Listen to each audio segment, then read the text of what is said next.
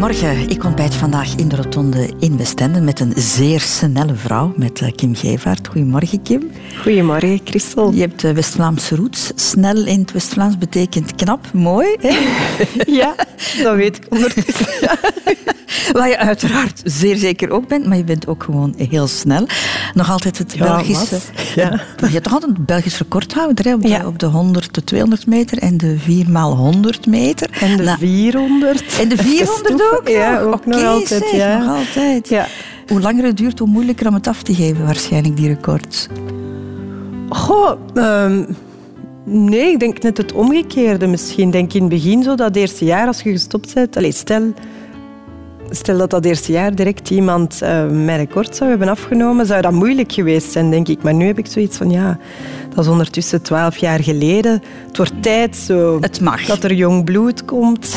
Eh, ja, en dat dat, ja, nu mogen die records er zeker, eh, zeker aangaan. En ben je klaar voor een recordlang interview? Of ik zal zeggen gesprek, want dat is een mooier woord. Dat zal het worden. Ik ben klaar voor een marathon. Marathongesprek. Dat zal het ook niet worden, maar goed. Welkom in de rotonde, Kim Gevaert. Dank je wel. Radio 2. De Rotonde met Christel van Dijk. Kim Gevaert, we gaan eh, vandaag ehm, ja, kijken naar de keuzes die jij gemaakt hebt eh, in jouw leven. Dat is heel veel achterom kijken. Als je terugkijkt op, op, op jouw leven, Kim, hoe, met wat voor gevoel eh, is dat dan? Ja, als, als eh, een dikke gelukzak eigenlijk. Zo. Echt? Ik Ja? het gevoel dat ik was... Ja, toch wel. Ik ben als kind in een warm gezin terechtgekomen. Ehm, ik heb nooit iets tekort gehad. Ik heb een zorgeloze jeugd gehad.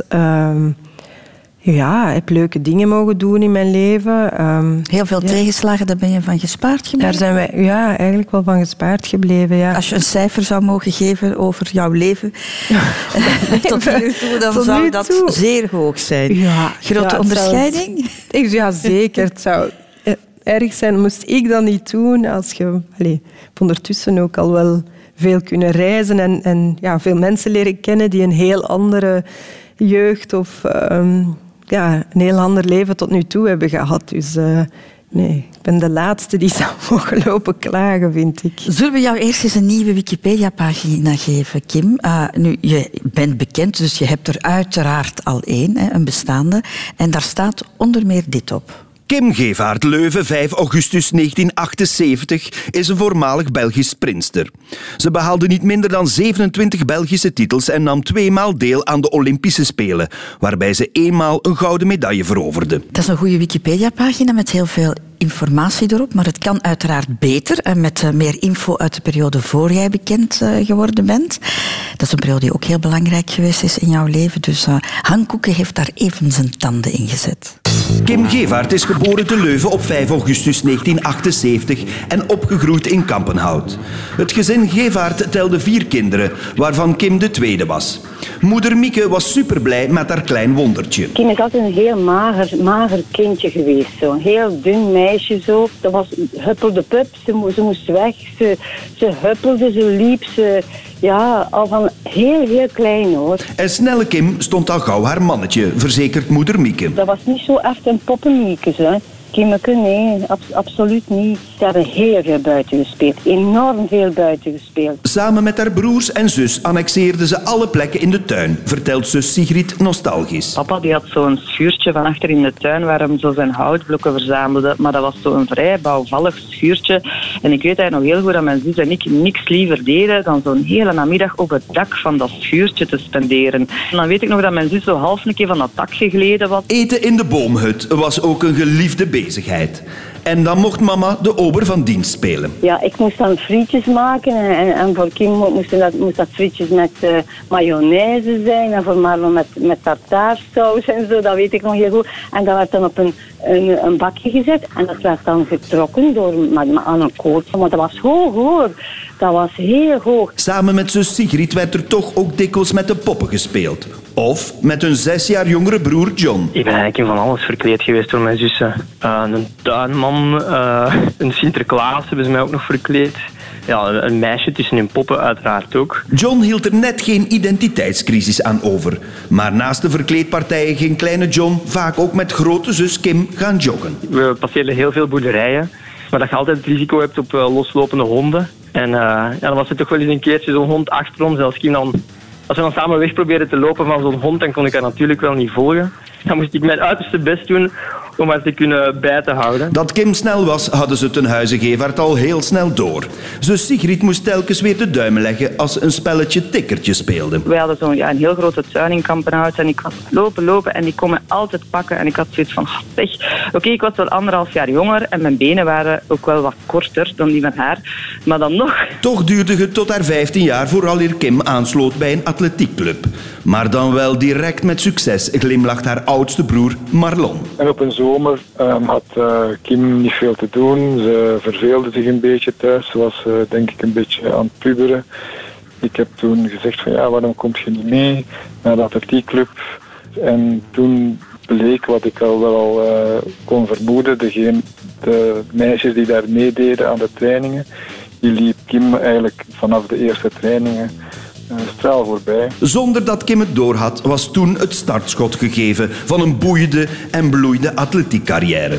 Dat die dunne spriet zou uitgroeien tot een sprintbom, had moeder Mieke bij de geboorte nooit kunnen bedenken. En dat ze ooit een Olympische medaille zou dragen, nog minder. Maar Kim was vastberaden en gemotiveerd. En de rest is history. Een stukje jeugd. ja. Oh, fijn. Dat zijn recente gesprekken dan met mijn, ja, ja, ja, ja, ja, Hebben ze hun mond kunnen houden? Ja, ja, ze hebben daar niks over gezegd. Ja, ja. De tuin speelde blijkbaar een heel grote rol in jouw leven. Want dat is een woord dat uh, regelmatig terugkwam. Ja, wij waren eigenlijk altijd buiten als kind. Um, goh.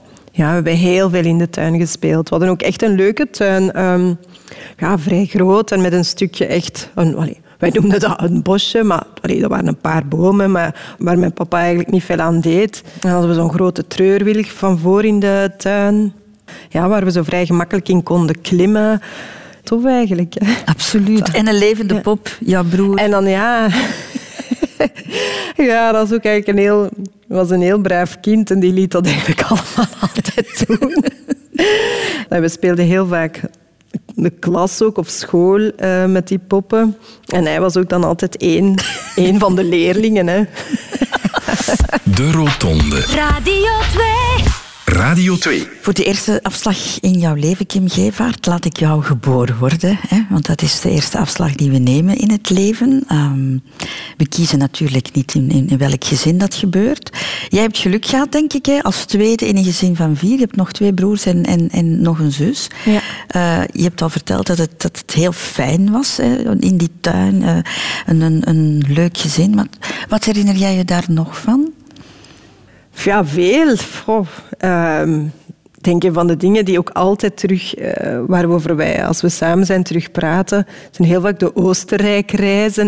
Wij gingen eigenlijk elk jaar met allemaal uh, bijna drie, drie weken of bijna een maand naar Oostenrijk. Ja, en dan moest dan...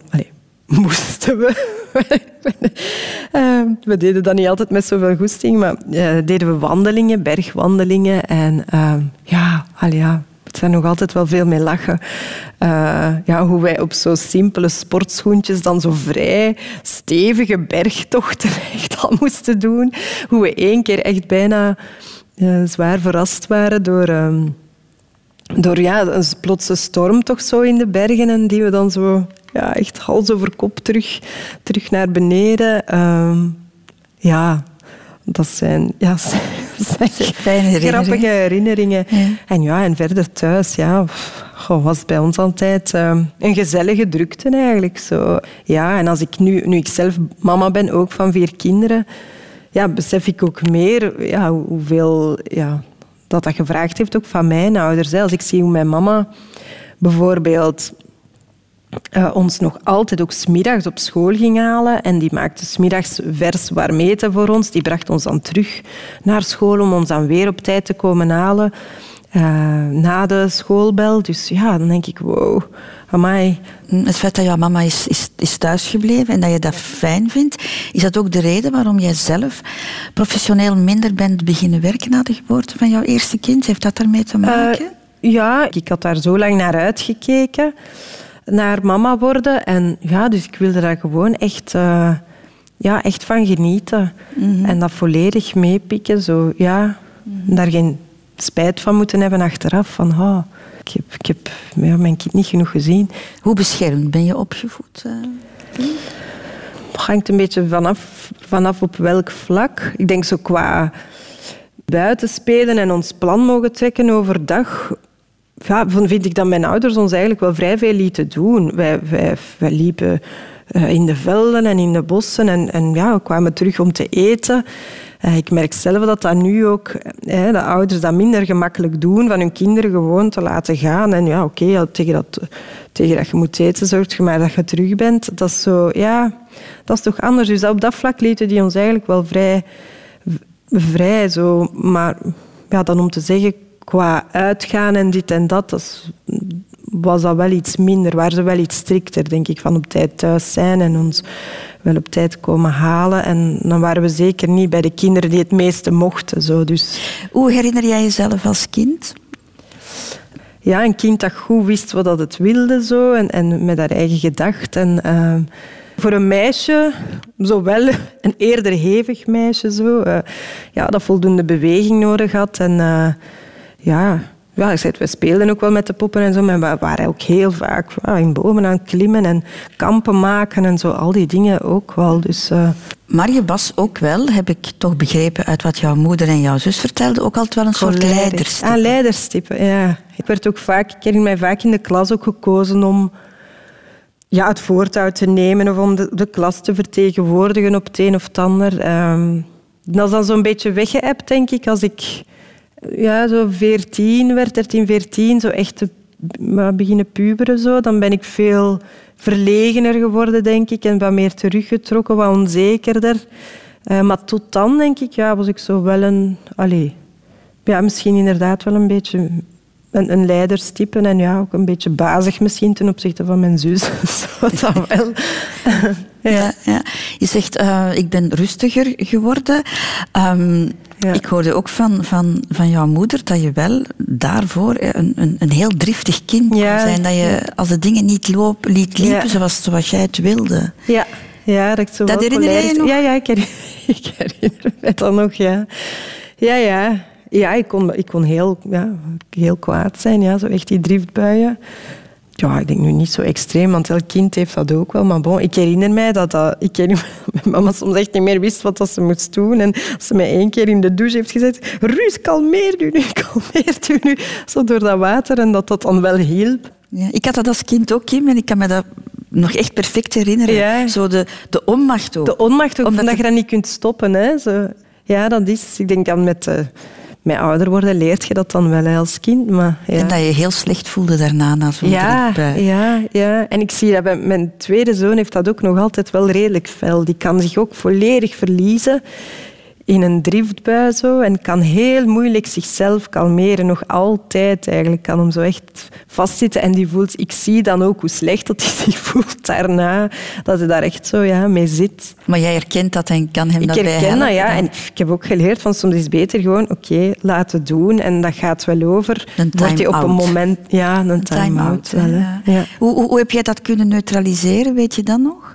Ja, ik denk dat voor mij mijn... Uh, mijn, die sport wel een, een uh, iets heel belangrijk geweest is in zo, ja, um, het, het, het ja, groeien of het opgroeien naar een volwassen vrouw. Zo. Um, dat ergens mijn uitlaatklep was. En ook iets ja, dat, waar ik voelde dat ik goed in was. Dus dat, dat geeft u uh, meer zelfvertrouwen enzovoort. Dus uh, mm. ja, dat heeft mij echt wel zo... Goh, dat klinkt misschien wel zwaar, maar ja, misschien beter gemaakt als mens, evenwichtiger in elk geval. De grootste familie.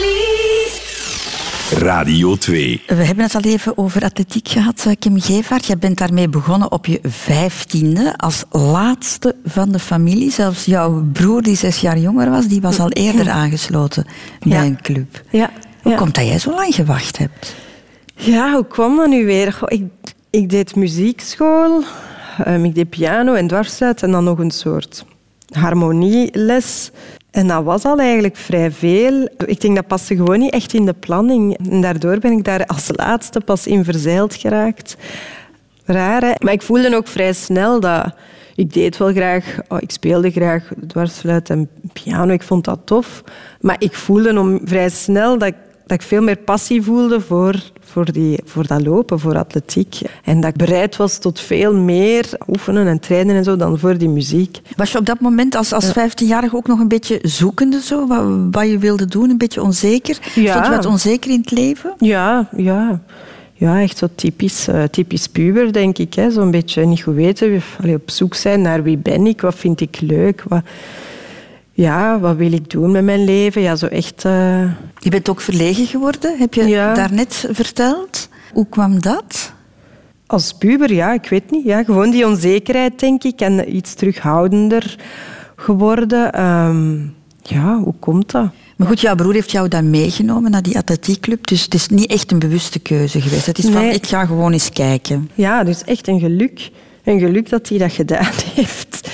Maar Dan echt, gedreven was je nog niet, hè, in nee, het begin? maar ik had geen idee ook dat ik dat zo goed kon. Ik voelde wel, ja, op school had ik wel al eens gevoeld... Allee, besefte ik wel dat ik dat goed kon. Ik herinner me bijvoorbeeld mijn allereerste herinnering aan... Ah, ik kan eigenlijk echt wel snel lopen, was... ehm, omdat mijn, mijn broer in de lagere school werd af en toe zo'n beetje geamuteerd door een oudere jongen. Hij heette Wim van der Elst, moesten we het nu horen. Foei, maar we zijn, we zijn het, Heb je het gehoord. Wim van der Elst? En ja, ik herinner me dat, dat ik daar heel kwaad op werd op een, zo tijdens een speeltijd. En dat ik die een stamp was gaan geven. Maar ja, die was denk ik drie, vier jaar ouder dan mij. En ja, die was uiteraard razend. En die ja, zette achtervolging in. En, maar die kon mij niet pakken. Wat dat hij ook deed, die kon mij niet volgen. En ik, ik vond dat zo... Allee, het feit dat ik mij dan nog zo haarscherp herinner, hè, dat had echt een grote indruk op mij gemaakt. Van, amai, die grote, sterke jongen kan mij niet pakken. Dus dat is eigenlijk de eerste keer dat ik echt dacht van, ah ja, ik kan dat precies toch wel vrij goed. Maar eens in dat atletiekclub had ik eigenlijk geen idee dat dat zo rap, zo... Hey, dat ik daar zo snel ja, van die tijden al ging inlopen die echt van belang waren. Dat, dat was echt... eh, daar was ik heel erg van, van geschrokken, zelfs een beetje in het begin. Zo, ik moest dat echt een plaats geven van... Ah, ah ik kan dat echt, echt goed. En, want de mensen spraken al vrij snel over Olympische Spelen en zo tegen mij. En ik kon dat even zo niet, eh, niet plaatsen. Dat was ineens zo heel veel druk, precies. Ehm.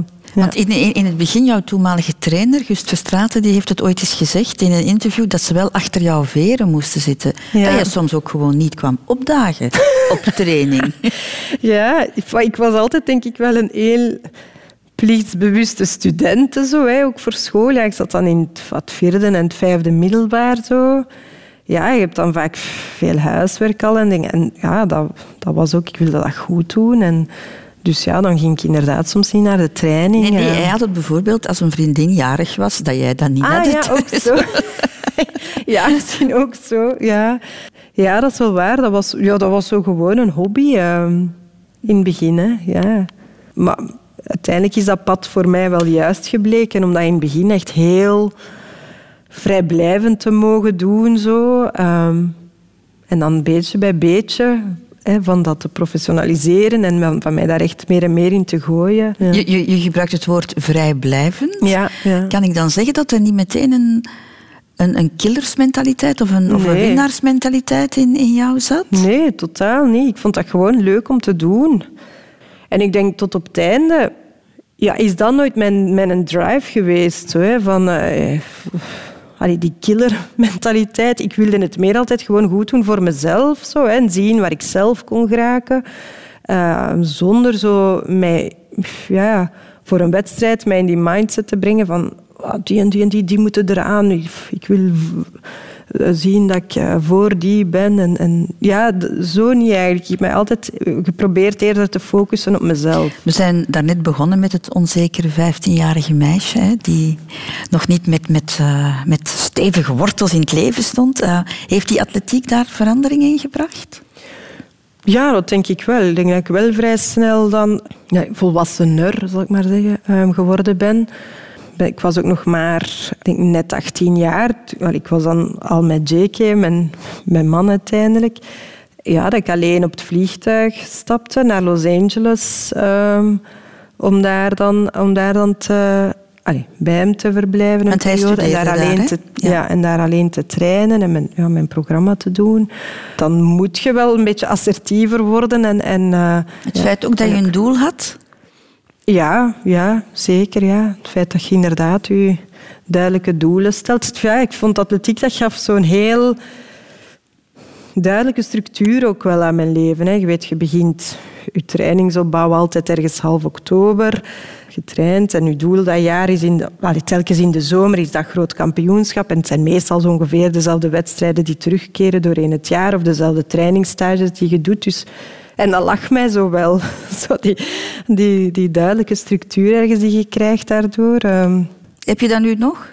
Dat je je leven het liefst gestructureerd Ja, en ja. gepland ziet? Ja, ik leef misschien inderdaad nog altijd wel een beetje zo in die, die structuur. Dat viel ja, eigenlijk ook wel ongeveer een beetje samen met een schooljaarstructuur. Zo, hè. En het grappige was dat ook het eerste jaar, als ik dan toen ik dan gestopt ben, werd Vins ook geboren in de week van het wereldkampioenschap in Berlijn. Dus eigenlijk had ik zo'n beetje op dezelfde manier in dat jaar opgebouwd naar dat piekmoment. Dus dat, kwam zo goed uit. En dan de eerste prijs. En dan de eerste prijs, de gouden medaille. Ja, ik herinner me dat ik in de, dus in de materniteit lag met die weeën en die pijn. En ondertussen keek ik naar tv, naar het wereldkampioenschap in Berlijn. En ja, al mijn, mijn vriendinnen en, en Elodie en zo, die moesten lopen. Dus ik, ondertussen zat ik, kom aan Elodie. En, ah, en die weeën op te vangen. Ah, goed, goed, kom aan. Heel grappig dat dat net zo hè, op, dezelfde, op hetzelfde moment viel. Kim Gevaert, hoeveel druk heb jij jezelf opgelegd in jouw jonge jaren? Ja, ik denk dat ik mij in mijn jonge jaren toch wel vrij veel eh, druk op mijn schouders heb gelegd. Omdat ik, ja, ik wilde alles gewoon goed doen. Ik wilde het goed doen op school. Ik deed ehm Latijn-wetenschappen dan in het vijfde en zesde middelbaar. Ik begon ja, meer en meer van die grote wedstrijden te mogen meedoen. En op een bepaald moment ja, is dat zo'n beetje een, een beetje een kortsluiting in mijn hoofd geweest. En ik kon niet meer slapen. Ik had echt eh, ja, zware slaapproblemen. Zo. Vooral rond die examenperiodes was dat echt een beetje te veel. Zelfs tot op het punt dat ik in het zesde middelbaar dat mijn ouders dachten van ja, denk toch maar eens goed na wat dat je daarna nog gaat doen. Want ja, universiteit allee, en dan nog atletiek erbij proberen te doen. Gaat dat niet te veel zijn? Maar uiteindelijk is dat... Ja, ging mij dat veel beter af aan de universiteit dan. Dan, dan het middelbaar Dan onderwijs. middelbaar, Je had daar ook wel voor een zware richting gekozen, Ja. middelbaar onderwijs. Je Ja. deed eh, La- Latijn eh, wetenschappen. Ja. Ging, ging dat vanzelf? Nee, ik, ik, heb, ik was een goede student, maar ik moest wel werken voor mijn punten. Maar dat ging wel. Je legde jou dat zelf ook op. Ja, ik legde mezelf dat op. Ja, ik kon zo... Ja, ik was zo geen student die kon zeggen, dat hoofdstuk, ja, waarschijnlijk gaan ze daar niet te veel van vragen, ik ga dat niet echt studeren. Dat kon ik niet. Dat was zo, nee, dat zit in de leerstof, ik moet dat kunnen. En, maar later aan de UNIF kon ik dat dan eigenlijk wel veel beter. Zo wat, Ik kon dat meer kon dat loslaten en ik hoefde ook niet altijd de beste punten te hebben. In, e- eerste kan nog wel, dan was ik zo nog iets... eh, maar daarna heb ik dat zo wat meer kunnen loslaten. En dan had ik zoiets van, oké, erdoor is ook wel oké. Enig idee waarom je het deed? Goh, ik denk dat dat een beetje in mijn natuur zat, ja. Ja, want je had het daarnet over, over die, ja, die, die laatste twee jaar van, van, Ja. van jouw middelbaar onderwijs, dat die zo moeilijk eh, geweest en dat je het Ja. woord gecrashed is misschien, een, is Ja, misschien wel een, is, is een misschien groot wel een, woord, is maar- misschien wel een groot woord, maar goed, als je Maar toch, ja, zo'n 17-jarige die s'nachts echt niet, niet meer slaapt. Oh, ik herinner mij dat nog zo goed. Dat mijn, ja, die ik dan aan de deur oh, van de slaapkamer van mijn ouders stond en zei... Ja, mama, ik kan echt niet slapen. Ik kan echt niet slapen. En dan kwam die bij mij zo in mijn bed liggen. Zei, Allee, probeer te ademen zoals ik. En dan dat ik zo haar ademhaling zou volgen om, om rustiger terug te worden. Ik kreeg mezelf ook zo niet meer... Ja, misschien een beetje zoals die driftige kleuter. Kreeg ik toen ook mezelf niet meer gekalmeerd. Zo. Dat is echt niet leuk. Het was ook allemaal veel. Hè. Je, je studeerde, Ja. een zware richting. Er was Mhm. ook die atletiek, waar Ja. men wel bepaalde dingen van, van jou verwachtte. Ja. Ja. Het was Ja. misschien te veel allemaal. Ja, dat was even echt te veel. En raar dat, dat, dat daarna... Allee, als ik me vergelijk met andere atleten, kon ik eigenlijk redelijk goed wel die, met die druk om. raar. Hè? Ik heb misschien even een harde leerschool gehad en dan gedacht van nee, zo wil ik niet leven. Zo altijd gestrest zijn en dat ik dat heb kunnen ja, van mij afgooien, zo'n beetje, ik weet niet. Ja, om met die toch nog veel zwaardere druk van de Olympische Spelen en van de druk van de verwachtingen van uw land op uw schouders te, te voelen en zo, van daarmee om te kunnen. Heb je ooit gedacht eh, van ik, ik stop ermee? Daardoor? Van dit, dit lukt mij niet meer? Met atletiek of met, met school? Met, met, met school denk ik eh, niet, maar met, met atletiek? Nee. Nee, ik heb altijd willen verder doen. Ik heb, ja... Zelfs na mijn eerste grote ontgoocheling dan, dat ik uiteindelijk niet mee kon naar de Spelen in, in Sydney in 2000. Nee, had ik echt zo meer die drive van... En dat gaat mij niet meer overkomen. Ik wil het eh, elk jaar beter en beter doen. Dat heeft mij eerder ehm, ja, gesterkt dan dat ik dan dat ik zin had om de bruid eraan te geven. Ik heb dat altijd heel graag gedaan, eigenlijk. Ja. Nu zou men denk ik een, een, een sportpsycholoog of zo inschakelen. Ja, ja, dat werd toen... Dat lijkt al alsof ik al zo oud ben, maar ja, dat werd toen nog niet zo, niet zo standaard gedaan. Ik hoorde dat wel af en toe iets, maar... En ik heb dat ook nooit echt gevraagd. Zeker niet als ik dan wat ouder werd en echt meer met die druk en zo moest leren omgaan, omdat ik zoiets had van oké, zolang dat ik zelf mijn problemen kan oplossen, is dat misschien wel goed. Ik wil zo niet afhankelijk zijn van iemand. En weet je nog heel precies hoe je dat aangepakt hebt? Ja, zoeken naar wat, wat er helpt bijvoorbeeld om je te ontspannen. Ehm, als ik nu denk bijvoorbeeld aan gedurende het jaar dan omgaan met die trainingen. En, en ik had met mijn man de regel altijd, na tien uur mocht je mij niks meer vragen over atletiek. Ik wil er niet over praten, over de training of dit of dat. Dat was onze regel. Na tien uur werd daar niet meer over gesproken. En ook thuis bij mijn ouders en zo. En bij mijn vrienden denk ik hoefde dat zo niet altijd een gespreksonderwerp te zijn. Ik, allee, en dat was leuk, dat ik dat denk ik af en toe ook echt kon loslaten en gewoon mezelf zijn. En, want dat, dat, geeft, dat maakt het denk ik moeilijk als je voelt dat de mensen die, ja, die dicht rondom u staan ook ja, daar te, te, te begaan mee zijn. Of ik weet niet hoe ik dat moet uitleggen. Dat, je ook nog gewoon, dat ik ook nog gewoon Kim kon zijn. Niet alleen Kim, de atlete. Zo. Ehm, dat niet alles alleen rond die prestaties draaide. Hè. En dan ja, in de weken van de grote kampioenschappen, of als we bijvoorbeeld op de Olympische Spelen waren, ja, dan ik had heel veel geluk, denk ik, met zoveel toffe atleten rondom mij, met wie dat ik echt goed kon praten. En, en Elodie en Tia en ook Cedric van Brantegem en zo. Echt wel, we hadden echt wel een toffe groep. Dat deed ook, denk ik, heel veel. En als ik dan even alleen wilde zijn, dan, dan las ik met heel veel plezier zo eens een kiekeboe of een Urbanus-strip. Dat kon mij zo echt ontspannen. Want echt een boek lezen, weet ik nog dat... Ik weet niet, daar was mijn hoofd zo wat te vol voor in die drukke periode. Maar zo'n een, een leuke strip lezen en wat muziek luisteren, dat kon mij ook wel ontspannen. Zo. Ehm, ja. ja, en zeker ook Rudy, mijn trainer, en mag ik zeker ook niet vergeten, die was op zich ook altijd allee, heel aanspreekbaar, heel... Allee, rustig. Alleen om op tijd te komen kon hem heel gestresseerd zijn. Hem dan helemaal anders in als, in, als ik zo. Maar ja, op zich, die was heel menselijk, wil ik maar zeggen. Die had ook begrip als ik mij een dag niet goed voelde of zo. Wij konden praten met elkaar. En dat was denk ik ook heel belangrijk. Radio 2.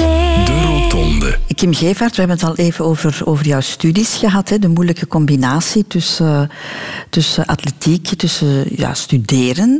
En dan ga jij ook nog eens naar de universiteit om een, om een masterdiploma logopedie te, te gaan Ja. halen. Waarom, wa- waarom het jou zo moeilijk maken? Goh, waarom het mij zo moeilijk maken, dat was ja, toen een beetje de logische volgende stap van toch een diploma te halen. Ehm, zeker in die periode, ja, de atleten die echt hun boterham konden verdienen, puur met hun sport, ja, dat was een handje vol. Hè.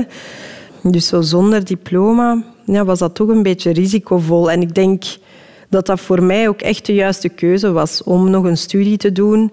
Ja, om die druk, denk ik, van, van dat presteren een beetje weg te halen. Je moet ook weten, toen, dus als 18-jarige, liep ik goed. Ik liep mooie tijden en dat was veelbelovend. Maar ik denk dat niemand toen had kunnen voorspellen, oké, ze gaat ooit een Olympisch gouden medaille, eh, met de ploeg uiteraard, behalen. Ik denk dat niemand dat toen verwacht had. De sprintwereld is ook een harde wereld. Hè. Als Belg daartussen je plekje vinden was ook ja, niet zo evident. Um, er had nog niemand mij dat voorgedaan. Uh, in de sprint toch niet. Dus uh, ja, dat is ook een beetje risicovol, denk ik, om op dat moment te zeggen oké, ga er gewoon maar volledig voor. En ik denk ook dat dat voor mijn hoofd niet het beste zou geweest zijn toen. Van echt te zeggen, oké, ik ga echt gewoon alleen fulltime trainen. En, en uh, nee, ik denk dat we dat op een evenwichtige manier hebben aangepakt. Heb je er alles uitgehaald uit jouw carrière, denk je? Ja, ik besef dat ik op zich vrij veel geluk heb gehad. Um, de jaren dat ik uh, atletiek heb gedaan, heb ik eigenlijk heel weinig last gehad van blessures. Dus er zijn heel weinig jaren geweest maar dat, ik er, dat ik niet was op het grote moment. Uh, dus ik heb eigenlijk op elk jaar kunnen verder bouwen. Maar op het einde ben ik dan wat meer beginnen sukkelen met mijn Achillespezen. En dat, mijn laatste jaar, um, 2008, was ik eigenlijk in heel mijn voorbereiding het sterkst, veruit het sterkst van wat ik ooit geweest was. Um, zowel in de, in de powerzaal, qua kracht was ik enorm veel bij, uh, had ik heel veel bijgewonnen. Ik, was, ik had op training nog nooit zo snel gelopen. Dus ik was eigenlijk echt wel klaar voor een tijd onder de 11 seconden. Ik liep dat op training eigenlijk, dus ik had, dat, ik had dat zeker moeten kunnen. Maar dan na mijn eerste wedstrijd heb ik eigenlijk ja, mij echt terug geblesseerd aan die Achillespees. En dat heeft zo heel mijn verdere voorbereiding naar de Olympische Spelen toch zo'n beetje bemoeilijkt. Ik heb mij wel kunnen voorbereiden, maar niet meer mhm. zoals ik het echt had gewild.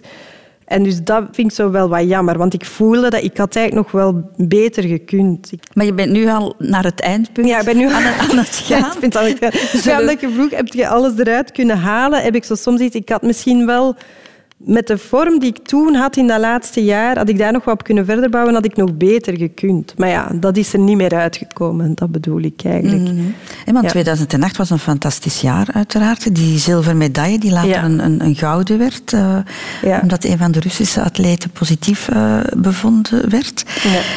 Maar het is ook het jaar dat jij stopt met atletiek. Ja. Dat vind ik nog altijd heel raar. Maar goed, je hebt het al een beetje, een beetje uitgelegd. Uh, ja. Het was een beetje een combinatie van... Gewoon mijn hoofd, denk ik. Ja, mentaal was het zo'n beetje goed geweest, precies. Ik snakte eigenlijk echt zo wat naar een, ja, naar een gezinsleven en naar ja, zo een weekendje weg te kunnen gaan. Alleen gewoon... Uh, ja, ja, dat klinkt raar, maar het, het dagdagelijkse leven zo wat. Ik voelde heel graag een gezin. Uh, en plus dan ja, die kleine vervelende bobootjes, zo, hè, die, ja, die Achillespeespijn. Ik had dan ook wel last in mijn, aan mijn, de aanhechting hier om mijn grote bilspier. Ja, en dat weegt toch wel ook allemaal wat op den duur. En, ja, dus het was zo in mijn hoofd echt een beetje genoeg geweest. Ik zag dat toen ergens als op een, op een mooie manier kunnen stoppen. Want het is niks, denk ik, zo frustrerend als sportmens om te moeten stoppen met een, met een slecht gevoel, zo, met een domper, iets dat, met een tegenslag. Ik denk dat dat, dat, dat echt niet fijn is. Uh, Dat dat nog moeilijker is dan, dan te beseffen, ja, ik heb iets goed gedaan. En dat je ergens ja, met, die, met dat goed gevoel blijft zitten verder dan met dat frank gevoel van potverdikken. Hè, en, dat, en dat is niet goed gegaan. En, dat dat veel moeilijker is, juist. Maar stel nu dat je die zilveren medaille niet had gehaald, dat, dat die Dan had het heel moeilijk geweest. Dan had je misschien doorgegaan. Ik weet niet wat ik dan gedaan zou hebben. Ja, want mijn, ja, mijn 100 meter... Ja, ik zat dan net niet in de finale toen in Peking. Ik had toen net die Olympische finale gemist. Um, ja, dus had ik daar ook geen... Had, had die aflossing ook niet gelukt ja, ik weet niet wat ik dan zou gedaan hebben. Misschien dat ik dan na een paar maanden, of misschien, ja, ik weet het niet. Want, ja, dan had ik toch, denk ik, met een minder blij gevoel op die periode teruggekeken. Dat sowieso. Wanneer is het zo beginnen, beginnen knagen bij jou dat je dacht van de klad zit er misschien toch wel wat in? Dat moet toch al jaren voordien? Ja, ik heb mij rond mijn 28, in 2006 is dat zoiets begonnen. Maar dat heb ik dan kunnen loslaten. En dan, ja... Zeker in atletiek denken we vrij fel in Olympiades. Dus je hebt altijd die blokken van vier jaar eigenlijk. Dus dat is zo'n beetje een... een eindpunt en een startpunt misschien telkens opnieuw. Eh, dus ja, het was zo'n beetje een einddoel en een logisch, een logisch eindpunt misschien. Je bent voor een groot deel gestopt omdat je een kind wou, omdat je, Ja, zwanger, omdat je zwanger wilde worden. Had je nog een andere invulling ook eh, voor jouw leven voorzien? Op dat moment ja, had ik daar niet zo'n heel duidelijk plan over. Eigenlijk wat ik wel wilde doen is me ja, verder inzetten voor, ehm, voor de wereld. denk ik. Ja, dat klinkt zo wat zwaar. Maar ik heb dan, ja, vrij snel heb ik me dan ook echt geëngageerd bij SOS Kinderdorpen om, om heel veel voor hun te doen. En ook nu nog, denk ik, voel ik zo datzelfde ja, in wat ik nu doe als, als logopediste. Ja, is dat ook hetgeen dat mij drijft, denk ik, om zo, ja, de, de, de kinderen die het minder gemakkelijk hebben, van die ja, ergens toch te kunnen helpen. Ja, dus ik denk dat dat zo wat... Maar je zegt het mooi, dat zo wat. Het uiteindelijke doel was eigenlijk gewoon... Hè, ja, hè, Ja, dat, dat, ja, dat gezinsleven. dat gezinsleven, ja. een zwarte gat, heb jij misschien ook nooit, nooit over nagedacht? Nee, een zwart gat heb ik niet echt gekend. Nee, want ik ken mij, toen ik gestopt ben, ja, was er zoveel eigenlijk. We zijn dan naar, we zijn dan naar Congo vertrokken. Ik ben dan vrij snel in verwachting ehm, geraakt. We hadden dan ja, een stuk grond gekocht en ons huis hebben we beginnen bouwen. We zijn dan getrouwd. Dat trouwfeest organiseren. Dus er was eigenlijk zo heel veel, waardoor dat, allee, zeker in die eerste jaren, niet echt... ehm, nooit dat gevoel van, van leegte of van oh, wat moet ik nu nog doen. Maar, maar wel later denk ik, ja, het is dan wel, heb ik wel vaak gevoeld van oké, ik wil wel ook naast mama zijn, ook nog iets anders doen. Die behoefte had ik zeker wel. Radio 2. Kim Gevaert, jij bent al meer dan 20 jaar samen, als, als ik goed geteld heb, 23 jaar, zoiets. Ah, Wacht, hè. Ik zal wel nadenken, ja. Ja, van, van januari 97 zijn we samen. Dus ja, 23 jaar. ja. Oh. Wij bedoel je, jij Ja, en, en, en JK Mambo, ja. ook een voormalig atleet. Ehm, Ja. Was zij ook jouw eerste liefde? Of moet ik zeggen, jouw eerste grote liefde? Ja, misschien? eerste grote liefde, ja. Want we zullen Xavierke van in de kleuterschool maar niet meetellen. Nee, ja, mijn voor de kleuterschool, daar zit een verhaal achter, ik voel het. ja, nee, mijn eerste grote liefde wel. Nee, ik zeg Xavierke van in de kleuterschool, omdat ik me dat heel goed herinner dat dat zo mijn eerste liefje was in de laatste kleuterklas al. eh, ja. En dat ik zo kwaad op hem was, dat heeft zo even geduurd. Ja, dat ik me, me herinner dat wij zo hand in hand op de speelplaats liepen. En dan werd mijn jongste broer... ehm, John geboren. En ik kwam zo fier als iets, uiteraard, met een foto hè, van mijn pasgeboren broertje, babybroertje, naar, naar school. En, maar die zag een beetje rood op die foto. Hè. Ja, zo pasgeboren babytjes hebben soms een beetje een gekke kleur. En eh, ja, die had daarmee gelachen. Die had oh, zie hoe rood dat die is. En, eh, en ik was daar zo kwaad voor. En ik heb hem echt, echt laten staan, niet geen woord meer tegen willen zeggen. Xavierken aan de kant geschoven. Of Xavierken heeft er zijn hele kant. leven misschien spijt van gehad. ik heb hem ik- nooit ook niet meer teruggezien of zo. Dus ja. Geen idee of hij er spijt van heeft, van die gemene opmerking. Maar is er dan tussen dat eh, Xavierke van de laatste kleuterklas en, en, en JK, is, is er dan een één grote leegte? Nee, nee. Ja, lang, lange tijd wel. Denk ik dat dat. Allee, mijn eerste min of meer serieuzer li- vriendje was, denk ik... Oh, zal ik toch al 16 of zo geweest zijn, 17. Ja, dus ik was niet echt vroeg op dat vlak verder. Allee, naast Xavier dan was ik niet echt vroeg. En ik altijd het grappige is... Dus mijn eerste vriendje was gewoon een, een blanke Franstalige jongen. En dan had ik eh, een eh, gemengde jongen. Dus lichtbruin. En dan Jake, dus ik ben van, van licht naar donker geëvolueerd. en dan zeggen ze, once you go black, you never go back. Dus ik ben daar blijven steken.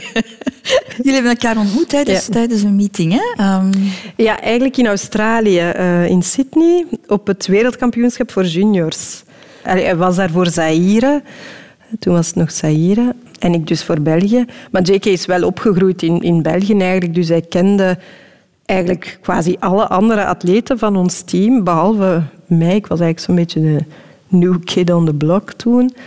Ehm, en voilà, we hebben elkaar daar leren kennen. En daar is eigenlijk vrij snel wel die vonk Ja, was dat meteen- meteen een klik Van zo? mijn kant toch? van zijn kant zo wel half en half.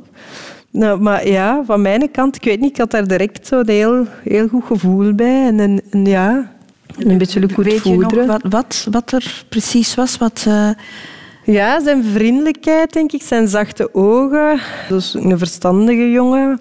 Ja, het totaalplaatje, denk ik. maak je het jezelf gemakkelijk als je als atleet een relatie begint met een andere atleet die net als jij ook het, aan het begin van, van, van een carrière staat? Ik denk persoonlijk dat dat gemakkelijker was dan iemand die daar totaal buiten staat. Zo. Want iemand die daar buiten staat, ik denk ik dat dat soms heel moeilijk is om dat te begrijpen. Dat je ja, niet altijd mee kunt naar feestjes of niet zomaar een dagje in het weekend kunt vertrekken.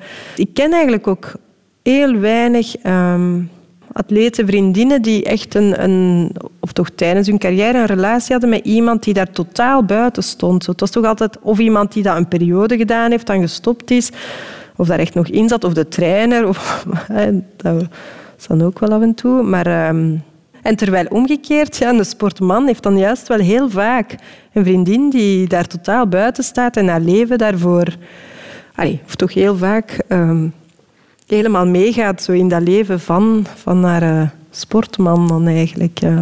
Nu, jij bent meer bekend als, als, als atleet dan, dan, dan JK. Ja.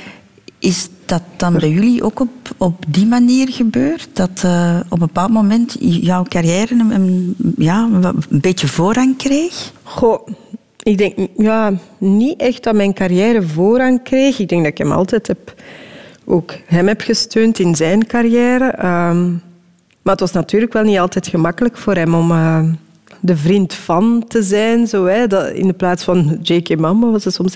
Ah ja, dat is de vriend van Kim Gevaert.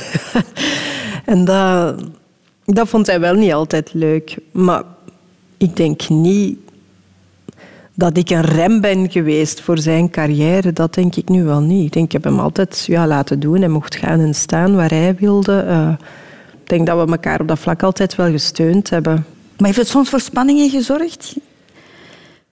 Goh, nee, hij, had wel, ja...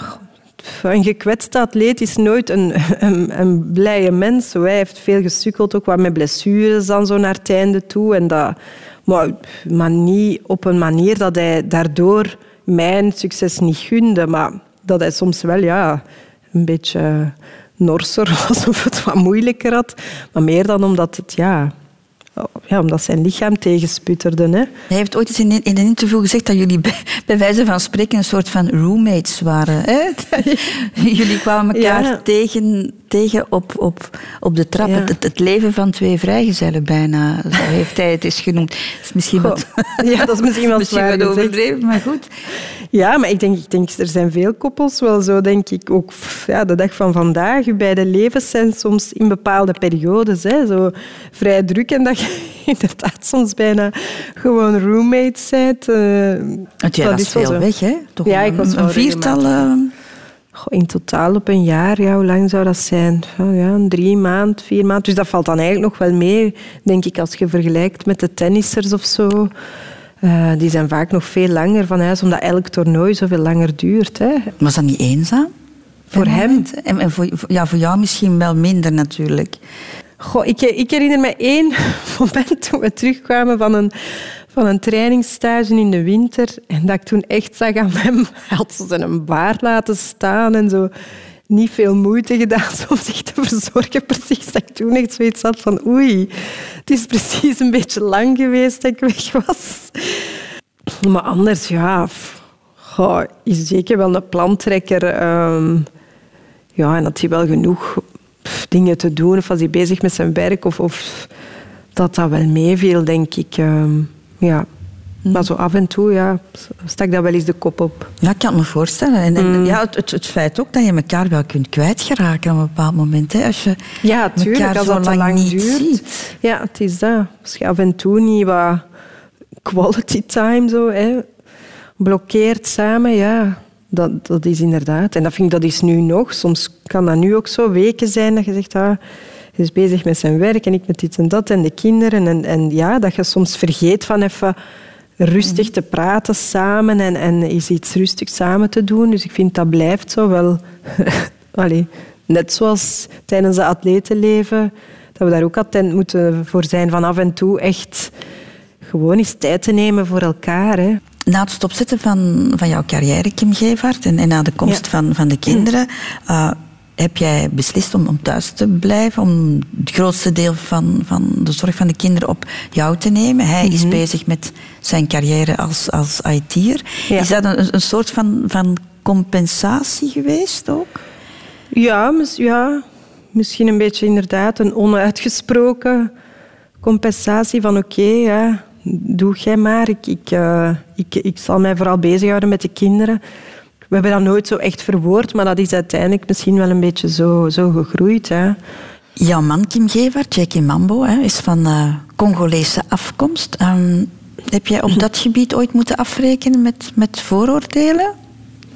Ik moet zeggen, binnen mijn familie, ook mijn grootouders en zo, dat is nooit een probleem geweest. Ehm, ik vond dat ook altijd heel charmant hoe dat mijn grootouders hè, dat, die onmiddellijk met open armen hebben ontvangen.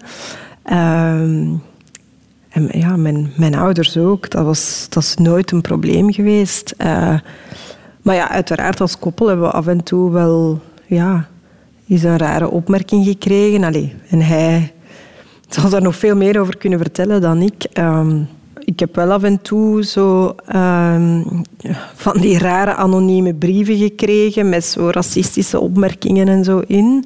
Hoe ga je daarmee om? met ongeloof eigenlijk. Zo van, allee, ik vergeet ook altijd dat wij een gemengd koppel zijn. Dat, ik besef dat eigenlijk ook altijd maar. Als ik een ander gemengd koppel zo in de straat zie, dan denk ik, ah ja, wij zijn ook zo. Maar zelf sta ik daar eigenlijk niet meer bij stil. Dus ja, als er dan iemand zo'n onnozele opmerking maakt of neerschrijft, dan... Ja, zodanig dwaas, denk ik dan. Goh, ik kan niet echt zeggen dat dat mij of ons ook ooit echt heel veel geraakt heeft. Het is meer zo van, ja, het is zodanig dwaas als je ermee moet blijven inzitten. Ja, ik bedoel, het is nog anders iemand die anoniem zoiets schrijft dan iemand die... Of moest iemand nu mijn kinderen of zo, of, of ons rechtstreeks iets aandoen, dan denk ik wel dat ik helemaal anders zou reageren. En, eh, Denk je dat, dat de kinderen daar ooit mee, mee te maken gaan hebben? Ik hoop van niet natuurlijk, maar ik denk van wel dat ze vroeg of laat wel eens eh, ja, een opmerking of zo, of weet ik veel, zullen krijgen.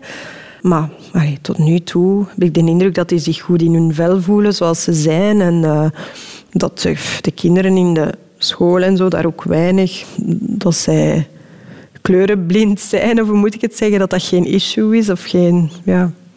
En zo moet het ook zijn. Praat je met hen daar soms over? En ze hebben eigenlijk wel vrij veel vragen gesteld, ook eh, naar aanleiding van Black Lives Matter, hè, waar dat ze dan over gehoord hadden. En, en eh, ja, ik weet nog dat er dan hè, er op de radio werd gezegd hè, van een zwarte man hij werd, eh, is gestorven, want hij werd hardhandig aangepakt door de politie. Bla, bla, bla. En Romeo vraagt aan mij, maar mama, een zwarte man, wat bedoelen ze daar dan mee? Vroeg hij aan mij. En ik zeg, maar jongen toch. Ik zeg, jouw papa, jouw papa is ook een, ja, een zwarte man. Zeg, ah ja, voor hun is dat... Die denken zo niet... Of ze gaan zeggen bruin, ja, meer zoals zij het echt zien. Of ja, die is toch niet zwart, die is toch bruin. Ja, ze denken daar duidelijk anders over. Maar ik vond dat eigenlijk mooi dat dat voor hun... Dat zij dat niet zo zwart-wit zien. Dat ze daar zo nog onschuldig en naïef in zijn. En zo moet het eigenlijk ook zijn. Hè. Maar je hebt niet de indruk dat je hen daarin weerbaar moet, eh, moet maken? Goh, ik denk altijd van... Het beste wat wij als ouder kunnen doen, is, is ervoor zorgen dat zij zich goed in hun vel voelen met, met, wie ze zijn, met hoe ze zijn. En dat ze respect hebben voor zichzelf. Zodanig dat een, een ooit pijnlijke opmerking of foute opmerking, dat dat afketst omdat ze van binnenuit sterk genoeg zijn. Ik denk dat dat eerder onze methode is dan echt daar veel over te praten en over... eh, Natuurlijk, als ze met vragen komen, dan wel. Maar op zich is dat niet een dagdagelijks gespreksonderwerp bij ons. Maar ja, proberen we gewoon...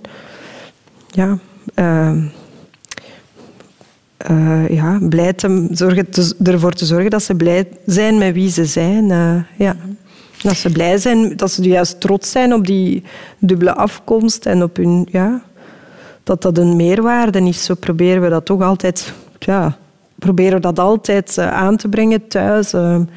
ja, proberen we dat echt te zien als, als ja, iets super, van wauw. En jullie komen ook een beetje van Afrika en jullie spreken ook Frans. En, en ja, dat, we proberen daar altijd, altijd met, met heel veel positief, Ja. positivisme. Zo. Eerder plus plus. hè? Ja, plus, plus, ja, ja. Nu, jij en- en Jackie komen uit een totaal andere gezin, een totaal andere wereld. Jij in een beschermd Vlaams gezin, landelijk eh, opgevoed. En hij komt uit een, uit een Afrikaans-Brussels eh, gezin. Ja, ja. Daar zit misschien, in, in die opvoeding zit misschien een verschil. Ja, ja, ja, ja. Ehm, absoluut. J.K. is dan ook nog eens vrij snel zijn mama verloren. Hij was nog maar elf. Dus eh, ja, die is ook heel snel heel zelfstandig moeten worden. En nu, dat is al ook wel heel voor een groot stuk zo in de Afrikaanse cultuur. Dat kinderen snel ja, meedraaien een beetje in het huishouden. Of veel doen al. Ehm, ja, hij vertelt dat hij ook al vrij jong een wasmachine eh, de was deed en zo thuis. Terwijl ja, wij thuis, wij hoefden ons echt nergens zorgen om te maken. Hè. Het meeste wat wij deden was misschien een keer ons bord naar de keuken terugbrengen.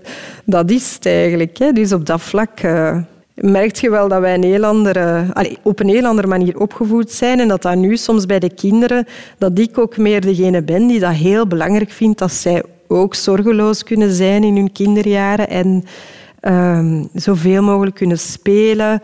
En terwijl dat hij iets heeft van ja, zij moeten ook wel elke dag hun deel van hun taken doen. En, ehm, Meer al sneller verantwoordelijkheid ja, nemen denk, op, ja, zeg, op- kom, op voordat ze spelen, leeftijd. ze moeten eerst dat, dat, dat, dat, dat doen. eh, altijd dat gespeel. Terwijl ik zoiets heb van, ja, ja, ik ben juist zo blij als ze spelen en als ze leuk aan het samenspelen zijn, dan laat ik die, zal ik zelf wel het, het werk doen. Zo, hè. Dus dat is altijd zo wel, daar hebben we wel zo wat in moeten zoeken van... ehm, ja, om daar een beetje de juiste, ehm, de gulden middenweg in te vinden. Hij is sneller groot moeten worden dan, Ja, dan jij. is eh, heel snel groot moeten worden. Hè. Het enige wat jullie zeker natuurlijk wel gemeen hebben, is dat jullie uit een groot gezin komen. Ja. Hè? Jij, jij, jullie waren met vier, Jake met, met vijf.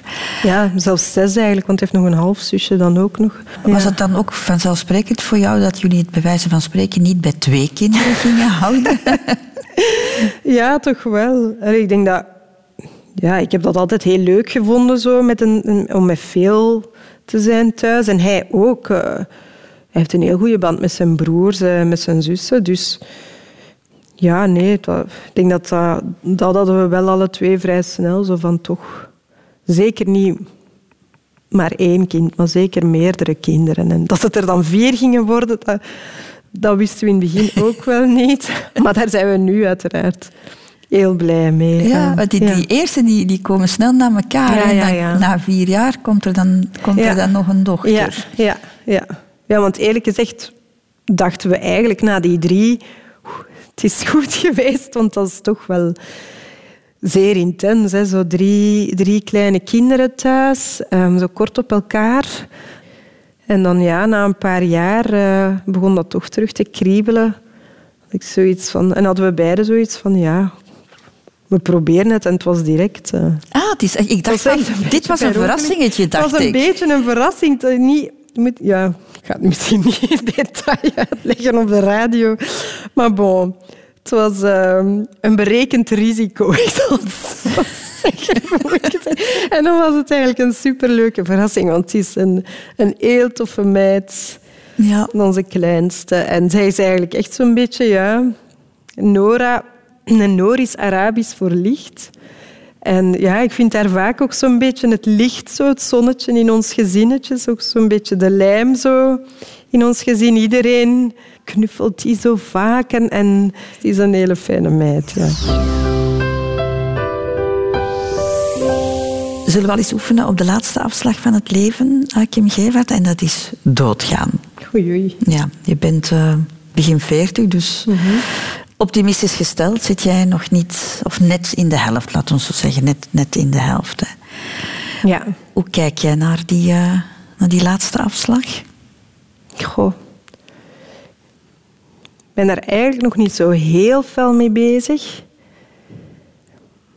Maar als ik zo, ja, sommige mensen oud zie worden in onze maatschappij, ja, is het soms ook wel zielig. Zo, ehm, ja, ik denk dat iedereen wel wat schrik heeft voor die aftakeling. En dat is niet altijd mooi om te zien, natuurlijk. Hè. Maar als ik dan weer denk aan onze bompa, eh, die nu twee jaar geleden gestorven is. Ik denk dat hij nog op een, mooi, hij is op een mooie manier op zich wel oud kunnen worden. Dus die is eigenlijk vrij goed gebleven. Die, heeft altijd, die is altijd bezoek blijven hebben. Die is zo niet vereenzaamd. Dat denk ik toch, zo heb ik dat toch aangevoeld. Um, is altijd ook heel graag gezien gebleven. Dus allee, ik denk dat ik mij daar wat ga proberen aan vast te klampen aan dat beeld, dat het ook wel anders kan. Maar uh, zeker nu in coronatijden en zo die verhalen over die woonzorgcentra, ik vond dat echt uh, beangstigend. Zo. Die mensen die zo weken alleen dan op hun kamer. Ja, het kon natuurlijk niet anders, maar oh, ik denk, ja, dat is toch wel hard. Maar als ik het goed begrijp, is het eerder de weg daarnaar die ja, jou ja, ja, afschrikt dan, dan, echt dan... de dood op zich. Ja. Ja, ja. Van, ja, van de dood op zich ben ik niet bang. Ja, en ouder worden en ondertussen mensen moeten afgeven, dat denk ik, dat is ook niet gemakkelijk. eh. dat weet ik dan oei, voor mijn grootvader heel moeilijk was. Soms hij werd dan ouder, maar je ziet iedereen. ah, Dat is week, bijna week na week een begrafenis. Ja, dat is niet, dat is niet gemakkelijk, denk ik. Ja. Daar ben je van gespaard gebleven, hè? tot hiertoe, behalve dan jouw grootvader, die, Ja. maar die een gezegende leeftijd had. Ja, maar eigenlijk ja, op dat vlak eh, zijn we toch wel redelijk gespaard gebleven. Ja. Maar het moment van de dood zelf, dat is niet iets dat je denkt van... Ah, Nee, nee, eigenlijk niet echt. Ik geloof ook ergens echt wel dat je, dat je nog terugkomt op een of andere manier. Het leven komt en het leven gaat zo, dat, eh, dat je ziel wel terugkomt op een of andere manier. Ik, heb niet zo, ik denk dat ik niet bang van, ben van de dood, omdat ik niet uitga van het principe, dan is het echt gedaan, over en out. Ik denk dat er zo wel... Op welke manier dat het dan juist is, dat weet ik uiteraard niet. Maar ik heb zo wel dat gevoel dat er wel iets nog is daarna, dat er nog wel iets gebeurt. Zo. een soort van re- Een reïncarnatie. soort van reïncarnatie, ja. Blijft er nog iets over van het katholieke geloof? Dat je, of heb je dat niet? Want je bent op een katholieke school geweest, maar dat Ja. impliceert misschien niet eh, dat je katholiek bent opgevoed. Nee, ik ben niet echt katholiek opgevoed. Allee, ik heb wel, ben gedoopt geweest. Ik heb mijn eerste en plechtige communie gedaan. Ehm, maar ik kan niet echt zeggen dat het geloof echt een, iets belangrijk was in ons gezin of in onze opvoeding. Ik denk dat mijn ouders, ja, typisch van die generatie, een beetje te veel verplicht zijn geweest. Van, en je moet naar de kerk. En mijn mama, die dan niet altijd zo'n leuke ervaring had bij de, bij de nonnekes op school, ja, dat heeft hun zo'n beetje een afkeer gegeven. Hè. Ik, wij hebben er zelf wel bewust voor gekozen om onze kinderen te dopen en, en hun communie en zo te laten doen. Omdat ik het ergens wel belangrijk vind dat ze een soort van houvast hebben wat het geloof betreft. Dat ze toch ergens een min of meer proeven van wat dat, dat is, gelovig zijn. En ik heb zoiets van, oké, ze kunnen het maar meekrijgen en later kunnen ze er dan nog mee, doen wat ze willen. Maar uiteraard, allee, eh, het geloof dat ze meekrijgen is met alle respect voor alle andere godsdiensten. Ehm, ze hebben ook vriendjes die, die moslim zijn. Op school? Ja, een, ehm, oh, het is een mevrouw die mij af en toe komt helpen. Zij draagt een hoofddoek, zij is moslima. En, dus zij vinden dat heel normaal. En dat vind ik juist heel tof. Maar ja, ik had zo het gevoel dat dat wel een kind wel deugd kan doen om zo ergens toch een soort van anker te hebben. Ik moet het misschien zo zeggen. Je weet nooit wat er gebeurt in je leven. En het kan zijn dat zij echt heel veel rust of, of, of kracht kunnen putten uit hun geloof. En als ze dat niet hebben, gaan ze dat misschien als een gemis ervaren en zelf op zoek gaan. Ik had zoiets van, oké, als ze dit al meekrijgen, ja, ze kunnen er, wie weet, is het iets dat hun kracht geeft. Jij bent ook voor de kerk getrouwd. eh. Ja, ja. Was dat een bewuste keuze? Ja. Ja, mijn man is ook is, is Congolees. En bij de Congolezen is eh, het geloof uiteraard nog veel levendiger dan, dat dat bij ons is. Dus voor hun zou dat sowieso raar geweest zijn, moesten we dat niet gedaan hebben. Maar ik heb dat ook graag gedaan. Zoals ik al zei, ik heb het gevoel gehad dat ik in mijn leven ook wel echt veel geluk heb gehad. En dat dat mij soms ook wel zo die, die te vraag stellen van ja, goh, waaraan heb ik dit te danken? en dat je zo ergens misschien wel daardoor geloof krijgt in iets groters zo. Er zit toch een, zekere vorm van spiritualiteit in jou, hè? Ja, ja. En ik, denk vooral door de... Goh, ja, die, die intense ervaringen die ik heb gehad als atleet en zo. En dan mama worden. Ik, ik weet niet, ik heb dat ja, met toch zo wat... Ja, ik heb ook een, een heel zwaar ongeval meegemaakt tijdens mijn, eh, tijdens mijn loopbaan als atleet. Ik ben over kop gegaan op de ring met mijn autootje. En ook daar ben ik eigenlijk totaal ongedeerd uitgekomen. Dat had heel slecht kunnen aflopen. Hè. Dus ja, dat heeft me toch ook wel zo wat... Ja, je wilt dan precies iets bedanken. Van, oh, dank u, dank u dat ik, daar, dat ik mijn lichaam nog heb en dat, ja, dat, al, dat alles in orde is. En ja, ik denk dat doet u zo dan wel zo wat grijpen naar dat spirituele. Zo. En, Kim Gevaert, eh, we hebben heel veel over het verleden gepraat, maar er is natuurlijk ook nog heel wat toekomst. Hè? Hoe wil jij eh, die afslag nog invullen? Met heel veel tijd voor mijn gezin, uiteraard. En ook heel veel leuke zomers. Heel veel leuke momenten samen, dat vooral.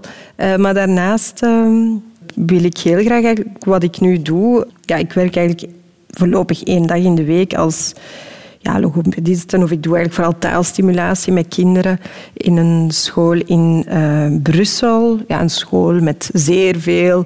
eh, een heel multiculturele school eigenlijk, met heel veel anderstalige kinderen. Dat wil ik eigenlijk graag wel verder doen en, en ja, daar wat verder mijn, mijn pad in zoeken. Ehm, ik vind het heel fijn om mij zo te omringen met verschillende culturen en vandaar toch hier en daar zo'n beetje mijn steentje ehm, te kunnen bijdragen. En met kinderen ook, wel- hè? en met Vier kinderen ook kinderen in, ja. in een schoolles geven. Je, Ja, je werkt ook nog voor. SOS Kinderdorpen. Dus eh, kinderen zullen vanaf nu een beetje de rode draad in, Ja, dat in jouw zal- leven ja, zijn. Absoluut, ja. Kinderen en verschillende culturen, zo, dat zal denk ik altijd een beetje de, de, de rode draad in mijn leven blijven. Kim, ik vond het heel fijn om, om, eh, om jou hier eh, in de rotonde aan de ontbijttafel te hebben. Ik heb jou een, eh, een stuk beter leren kennen. Ik heb vooral een, een, hele, een hele fijne dame ontmoet. En dat heeft me heel veel Dank plezier wel. gedaan. Dank je wel een daarvoor. fijne dame ontmoet. Als je dan voor mij nog één ding wil doen, dat is het, het, het gastenboek even, even invullen. Ja, zal ik doen. Christel, wat heerlijk om hier in dit prachtige gebouw even tot rust te komen. Het zicht op onze Noordzee brengt even kalmte in deze woelige tijden en in ons hectische leven. Of in ons soms hectische leven. Het was ontzettend fijn om met jou even te mogen terugblikken op mijn toch wel gevulde leven. Eens te meer besef ik wat een geluksvogel ik ben. Ik lach de toekomst toe en hoop voor jou van harte hetzelfde. Warme knuffel, Kim.